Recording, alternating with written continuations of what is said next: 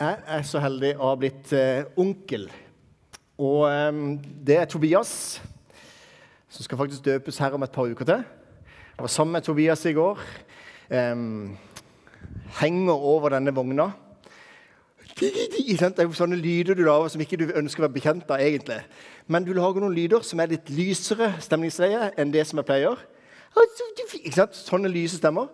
Og så, arre. Jeg vet ikke hvorfor vi sier arre. Men det er interessant ordet arre, hva det egentlig er. Men det har jeg lært av min mor, som har lært av sin mor, som har lært av sin mormor. Også, ja. Men jeg har kommunikasjon på et høyt nivå. Det som er så interessant å se dette lille barnet som kikker opp, og som lengter etter bekreftelse. Se meg. Se meg. Egentlig kan det være litt fristende, for når han ikke lager lyd Å, deilig. Nå kan jeg gå. ikke sant? Og så Når de griner, så er vi der. Ikke sant? Men poenget er jo at eh, øynene er der. De ønsker bekreftelse. Se meg, se meg, se meg. Og egentlig er det ikke så veldig forskjell fra oss. Jeg føler på en måte at det er kanskje litt av det samme vi gjør på Facebook. Se meg, se meg, se meg. Og så er det noen som liker å ha sett det. Bekrefter det. Jeg har sett. Eller kanskje en kommentar i tillegg. Vi trenger å bli sett. Men den kommunikasjonen da, som jeg syns er litt morsom For hvorfor skal jeg lage lyder som egentlig på en måte ikke er direkte sånn Jeg skjønner jo ikke noe av det. Aré. Det er kanskje den første lyden barnet klarer å lage. Og når du da får den der kommunikasjonen som skjer, at begge to lager samme lyd Begge to og det egentlig har jeg lært det jo at det er veldig bra å lage masse grimaser. for det at, liksom, Når de prøver å lage, formulere sitt smil, så gjør jeg det samme. Og så er det kommunikasjon på høyt nivå. Og det er utrolig vakkert. Men jeg kan jo tenke, dette er jo ikke intellektuelt stimulerende, stimulerende for meg. Men hva er det som gir en glede for min del, da? For Poenget egentlig er jo nesten sånn at jeg går ned på en måte på barnets nivå. Sånn at vi snakker samme språk. Og Det er jo akkurat det Gud har gjort. På en måte Gått ned på samme nivå som oss mennesker og snakker samme språk, sånn at vi skjønner det. Sånn at vi vet hvem Gud er. Han kommuniserer med oss. Og så er det ikke arre, men det er Guds ord. Og så kommuniserer Gud sånn som vi trenger det. Og det syns jeg er interessant når jeg er på ulike nivåer. Jeg kan være ulike nivåer i stemningsleie. Jeg kan jo på en måte, Ikke bare med stemmen min, men også kan man være lei seg, man kan være glad. Man kan ha det kjempefint, og man kan ha det skikkelig råttent. Og så går Gud inn og kommuniserer inn sånn som jeg trenger det. Det er min erfaring gjentatte ganger da jeg får lov til å lese Bibelen. så står, har det stått der hele tida. Eller Gud talte inn i mitt liv. Det ble noe som traff meg. Noe som bygde meg opp, eller noe som korrigerte meg. Men jeg er så takknemlig for at Gud ble menneske. Ble kjøtt, sånn som jeg er der, sånn at det blir samme språk. Sånn at vi skjønner. Og Hvis vi syns det er vanskelig med Gud, hvis Gud er uangripelig, så er det veldig fint å konsentrere seg om Jesus. For Gud ble menneske, og han kan lettere vise oss hvem Gud er. Johannes 1, 18. Ingen har noen gang sett far, men en enbårne, som er Gud, og som er i fars favn. Han har vist oss hvem han er. Så Jesus snakker samme språk som oss. Noen ganger kan vi gjerne si det at det er ord kan bli veldig overflødige. Hvis man kommer og sier Utrolig, utrolig godt å se dere alle sammen. Kommunikasjon handler om at ord Altså, Du kommuniserer ofte bedre uten ord. Eller kanskje, kanskje uttrykket ditt kommuniserer og overdøver ordene. Og Noen ganger så tenker jeg at um, det hjelper ikke noe å si at jeg, jeg elsker deg, hvis ikke du viser det. Kanskje derfor er Bibelen så veldig opptatt av dette. At når vi skal vise at vi elsker vår neste, så skal vi gjøre det gjennom gode gjerninger. For det er én ting å si det at eh, du er utrolig flott, men noe annet er å leve opp til det og på en måte rett og slett leve det ut i praktisk handling. Og Jakob, som er halvbroren til Jesus, har skrevet et brev, Jakobs brev i Bibelen, som tilber sin egen bror som Gud etter oppstandelsen. Han sier det at eh, 'vis meg din tro uten gjerninger', så skal jeg vise din, min tro ved mine gjerninger. Altså Ved at jeg viser gjerningene, ved at jeg gjør noe konkret, så viser jeg at jeg elsker deg. Handlinger og ord henger sammen. Og Derfor er jeg så glad for at når Gud kommuniserer, så er det ikke bare 'Jeg elsker dere', men han viser det i konkret handling. Den som gir sitt liv for sine venner, det er kjærlighet, det. Den som gir sitt liv for sine venner. Så Gud kommuniserer, han går ned på vårt nivå. Vi forstår han, vi kan forstå hvem Jesus er, eller vi kan forstå hvem Gud er gjennom Jesus. Men ikke minst så viser han det gjennom handling at han elsker hver enkelt av oss. Det er jeg utrolig takknemlig for. Nå skal jeg si masse bibelord Nå skal jeg bombardere deg med bibelord. Hvor Gud sier at han elsker deg. For Når han har sagt det til én person, så sier det noe om Guds karakter. Gud elsker. Men det er ikke bare ord, det er også handling bak ordene. Jeremia 31, 31,3. Med evig kjærlighet har jeg elsket deg. Sefania 3,17, som også er dagens bibelord i YouVersion-appen. Han fryder over seg, over seg, over deg med glede. Han tier i sin kjærlighet. Han jubler over deg med fryderop. Romerne 8,35. Hvem kan skille oss fra Kristi kjærlighet? Trengsel eller angst? Eller forfølgelse eller sult eller nakenhet eller fare eller sverd? For din skyld drepes vi hele dagen. Vi blir rent som slaktesauer. Men i alt dette vinner vi mer enn seier ved Ham som elsket oss. Romerne 5, 8. Gud viser sin kjærlighet ved at Kristus døde for oss mens vi ennå var syndere. Johannes 15, 13. Ingen har større kjærlighet enn denne, at han setter sitt liv til for vennene sine. Johannes 15, 9. Som far har elsket meg, sier Jesus har jeg elsket dere. Bli i min kjærlighet. Roman 8, 37. Men i alt dette vinner vi mer enn seier ved Han som elsket oss. Johannes 3, 16. For så høyt har Gud elsket verden at han ga seg sønnen enbårne, for at hver den som tror, ikke skal gå fortapt med evig liv. Johannes, 1. Johannes 4,10. Ja, dette er kjærligheten. Ikke at vi elsket Gud, men at Han har elsket oss og sendt sin sønn til soning for våre synder. Galaterne 2,20. Jeg lever ikke lenger selv, men Kristus lever i meg. Det livet jeg nå lever som menneske av kjøtt og blod, det lever jeg i troen på Guds sønn, som elsket meg og ga seg selv for meg. Første Tessalonikerne 1,4. Dere er elsket av Gud, søsken. Og vi vet at dere er utvalgt. Efesene 5,2.: Lev i kjærlighet, slik Kristus elsket oss og ga seg selv for oss som en offergave. En velluktende duft for Gud. Johannes 17, 23. Da skal verden skjønne at du har sendt meg, og at du elsker dem slik du har elsket meg. Jeg kunne fortsatt og fortsatt. Det er så mange bekreftelser fra Gud. Og vi går i kirka nettopp for å høre dette igjen. Kanskje du har hørt mye av budskapet før, men du trenger å høre det igjen og igjen. At jeg elsker deg. Gud sier til deg 'jeg elsker deg'. Hører dere responsen på et barn som en sånn, får lyst til på en måte Du blir så glad.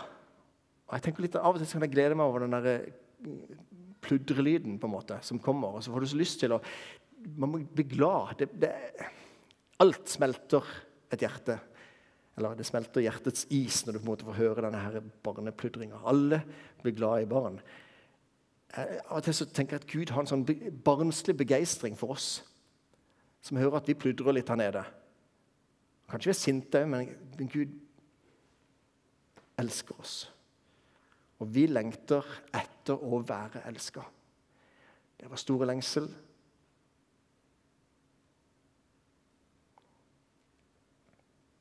Og jeg må si at det er en av mine, mine grunner til at jeg er kristen. At jeg får lov til å kjenne at jeg bekrefter at jeg elsker for den jeg er. Selv om man ikke strekker til. Det er deilig å kjenne at man elsker av kona, selv om man blir mer rynkete og, og de tingene der. Men allikevel Det å kjenne at man er elska uansett av Gud, det er befrielse. Og så er det deilig å kunne ha identiteten i det, at det er Guds elskede sønn.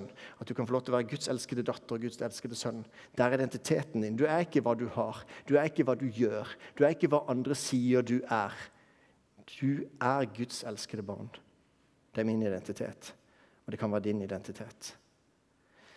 Og så vil jeg si, jeg vil påstå, Magnus Malm trekker det fram i sin bok, at hvorfor vet vi ikke dette? da? Vi har jo hørt det så mange ganger at Gud elsker deg. Men så har vi hørt det så mange ganger at det, går det inn? Vi burde egentlig virkelig visst det, men allikevel baler vi med de samme enkle tingene. Som barn trenger å bli bekrefta igjen og igjen, så gjør vi det. Men hjelper det med de ordene? At vi hører en forkynnelse som sier 'du er elska'? Klarer vi å få en erfaring av det? Og så er poenget at eh, noen har gått inn og så trekker man følelsene inn, og så kjenner man seg elska. Kanskje under en lovsang så kjenner man bare 'Å, dette var godt. Dette traff meg.' Eller noe som eh, blir forkynt, så er det på en måte 'Dette var godt å høre'. Um, og så kjenner man seg følelsesmessig at det, nå er Gud til stede. Jeg kjenner at Gud er her. Og Så knytter vi Gud til følelsene, og det er veldig bra. Vi skal elske Gud med hele oss. Så følelsene er en viktig bit, som kanskje har vært neglisjert i tidligere tider. Så elsk Gud med hele deg. Men allikevel så kan vi få en erfaring. Hvis jeg står og deler og sier at Gud var veldig sterk i lovsangen i dag Jeg kjente meg elska. Hva når du ikke kjenner deg elska fordi at du ikke har lovsang? Hva når du sitter alene? Hva når du på en måte kjenner at du føler litt råtten? Er du noe mindre elska da? Vi vet jo dette i teorien. Eller når noen andre forteller at de har opplevd noe i lovsangen, så sitter du der og tenker du at 'jeg opplevde ingenting'. Er du mindre elska da? Så egentlig så blir det veldig viktig at vi har følelsene med inn i vår gudsforhold. Men vi må også få en erfaring, og det synes jeg er stilig med Magnus Malm, som snakker om det, at vi, når vi skal trekke inn følelsene, så har vi ofte gjort det sånn at det er topp og bunn, og så er Gud med i alle de tingene. Men det som jeg synes er deilig, å kjenne meg elska og har fått en erfaring. At ikke bare når ting går bra, at Gud er der, men også i de tingene som er skikkelig kjipe i livet. Så har jeg en erfaring, ikke bare en opplevelse med Gud, men en erfaring av at Gud er der gjennom alle ting. Jeg har erfart gjennom mitt liv at Gud elsker meg til tross for. Og Den erfaringa kan vi bare få hvis vi lever med Gud og er sammen med han. Og så kan du konkludere når du er 40 år, så kan du si at Gud han elsker meg. Jeg har erfart det. Men det går ikke an å si det på første gang du får høre om Gud. Kanskje du får en følelse da.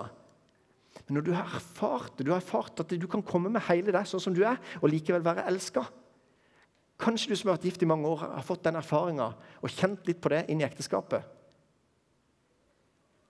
At du elsker til tross for. Du skjønner det ikke helt alltid. Sånn er det i hvert fall. Jeg skjønner ikke at det er mulig. Og det kan jeg si når det står sånn glansbilde her akkurat nå. det er ikke det jeg mener, Men poenget er bare at av og til så skammer jeg meg over meg sjøl. Men så har jeg en erfaring at eh, Randi står sammen med hun vil elske meg. Men den erfaringa i forhold til Gud, det er ikke bare noe det er følelsesmessig der oppe eller der nede. Men det er en erfaring gjennom hele livet at Gud elsker meg. Og den erfaringa må vi skille fra opplevelse eller topp eller høydepunkt. Erfaring. Gud er der. Uansett. Så Derfor så hjelper det ikke noe hvis vi forkynner at Gud elsker deg, hvis ikke du lever i det og våger å gå i det, våger å stille spørsmål til Gud. Og det er helt naturlig at ikke du skal late som at du bare ja, alt er bare bra med meg Gud. Nei, hvis du elsker Gud, eller hvis du vet at Gud elsker deg, så må du komme med alle dine bekymringer. Da må du skrike til Gud, da må du be til ham, da må du si, 'Gud, min Gud, hvorfor har du forlatt meg?' For det er lovsang. Du kjenner deg elska på alle områder. Og det kan jeg dessverre ikke hjelpe dere med med å bare si det herifra. Jeg vil bare vitne om det og fortelle at det er min erfaring. Og så må du gå i det og prøve Gud på alle områder. Og så er jeg så glad at det er en utrolig forskjell på kristen tro og islam. Mange trekker faktisk inn dette og sammenligner eller noen kommer og sier Rune, hvordan kan du tro på en kjærlig Gud når det er så mye vondt i verden? Veldig ofte så angriper de ikke min Gud, de angriper Allah. Og hvorfor? Hva mener jeg med det? Jo, fordi at de i Bibelen, ja ved Guds, altså Guds ord, så står det at det har vært et brudd med Guds vilje. Så alt som skjer, er ikke Guds vilje. Det kan vi som kristne si. Og det er befriende å kunne si. Så alt som rammer deg, det er ikke Guds vilje. Det er så godt å kunne si at det er ikke noe mening med det, men det kan få en mening. Men det er noe annet.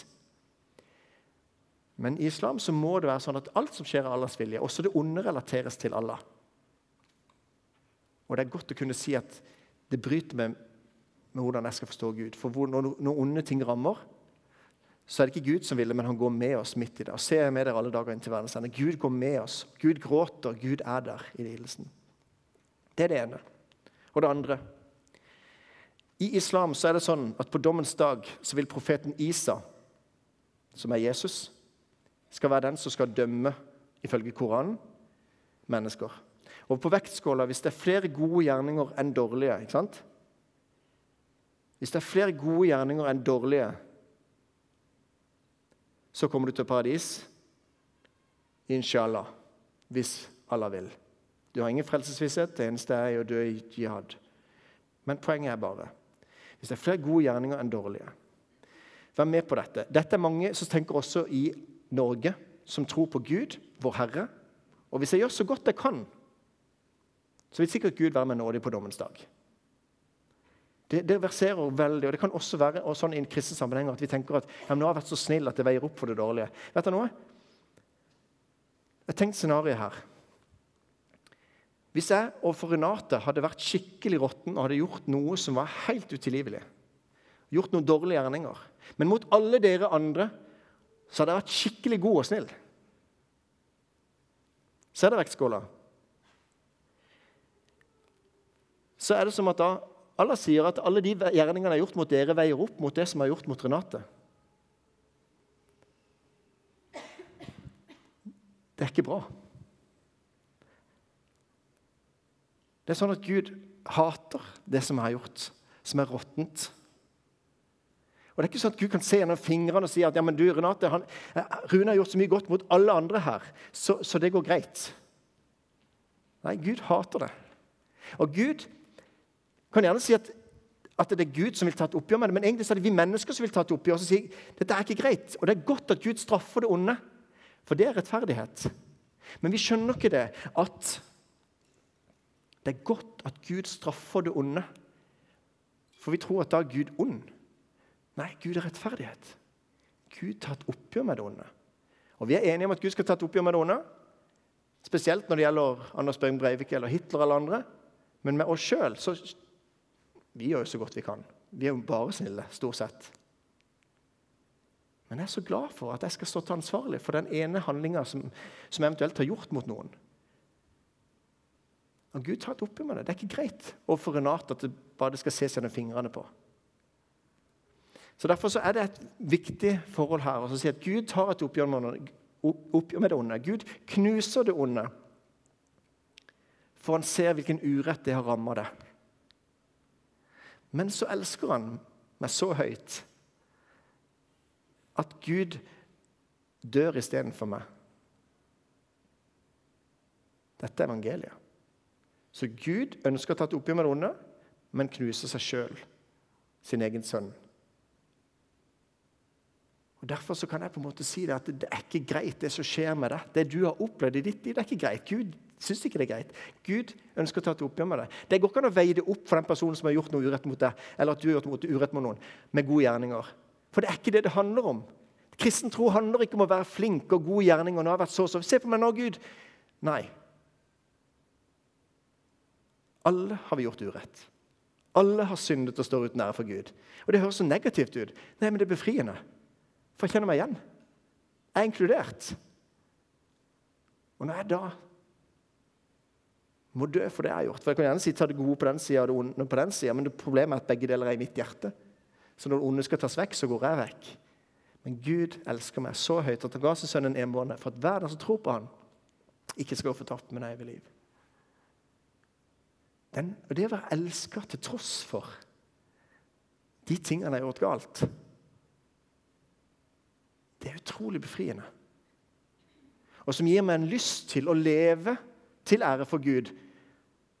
Ikke fordi at jeg skal bli frelst, men fordi at jeg er det. Så Jeg måtte bare trekke den linja her i forhold til islam i dag og så si at vi, vi kan ikke være bekjent av en sånn tro. Og ta, Derfor så blir det sånn at folk utenfor kan gjerne tenke at det å være kristen handler om å være flink og få det til. og Det passer ikke for meg. Nei, det handler om at vi er tilgitt. Det er at jeg elsker. Elsket for den jeg er. Men fordi Gud elsker meg så høyt, så har han ikke lyst til at jeg skal forbli i det som ødelegger meg. Det som, Når makt, syndens makt på en måte gjør det egentlig vanskeligere i mitt liv, så har han lyst til at jeg skal settes fri. At synden ikke skal ha makt lenger over meg. Og det livet der, det handler om at vi kan få lov til å leve til Hans ære. Eh, når vi faller, så er det nåde. Men vi oppfordres til å leve et hellig liv. Ikke for å bli frelst, men fordi vi er det. Ikke for å bli elska, se på meg, men fordi vi er elsket. Så det er fint å begynne der når vi skal ha et nytt semester. Det er identiteten vår. Når du blir spurt om en tjeneste, så ikke gjør det fordi at du må være det for å være en kristen, eller for at du skal bli elska av Gud. Nei, men fordi at du er blitt gitt så mye, så kan du få lov til å ære Gud og gi tilbake igjen. Enten i tjenesten gjennom jobb eller gjennom kirka eller det som er synlig her i kirkerommet, eller det som er usynlig gjennom diakonale tjenester gjennom menigheten osv. Men det er ikke for å, at du må føle du må gjøre gode gjerninger. Det er fordi at du har lyst til å gi tilbake igjen. Det er fordi at eh, jeg er blitt tilgitt mye, så vil jeg tilgi min neste. Fordi at jeg er blitt elska mye, så skal jeg elske min neste. Elsket for den jeg er. Så vi må ikke bare ha, Kirka må ikke bare formidle Gud elsker deg, Gud elsker deg hele tida. Det blir platt. Vi må ha elementet med at Gud er en rettferdig Gud, en som ønsker å ta et oppgjør med det onde. Og Det skriker mennesker etter i dag. Gud, hvis du finnes, så må du gjøre noe med det onde i verden. Ja, jeg skal gjøre det. Men jeg vil at flest mulig mennesker skal ta imot før han tar et oppgjør med det onde. Det vi lengter etter. Jeg er god nok. Jeg trenger ikke være perfekt.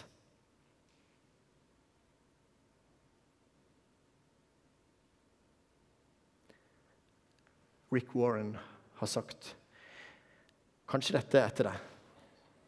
Problemet ditt er ikke at du ikke elsker Gud nok. Problemet er at du ikke har skjønt hvor mye han elsker deg.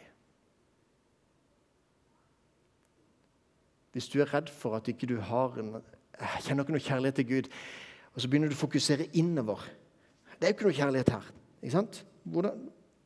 Løft blikket, og så se på Jesus. Se hvordan han elsker deg. Da vil det skje noe her inne. Men ikke leit her. Ikke vær innoverfokusert. Løft blikket og se han som elsker deg, han som gir sitt liv for sine venner. Du er elska for den du er. Vi ber sammen. Takk, gode far, for at du er her. Uansett om vi har en følelse eller en opplevelse, en erfaring av at du er her, så er du her. Så takker jeg for at vi har en erfaring at du er med gjennom alle ting. At du elsker til tross for.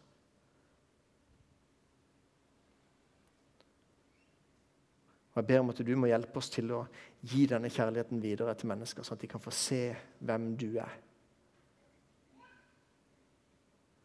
Jeg har lyst til å be om at det skal være et utgangspunkt for alt vi gjør. At ikke vi jager etter bekreftelse på Facebook eller på arbeidsplassen eller hvor det måtte være. Men at vi har vår identitet i at vi er Guds elskede sønner og døtre. Og så kan vi få lov til å gi livet til deg. Så kan du få lov til å leve livet igjennom oss, Jesus. Amen.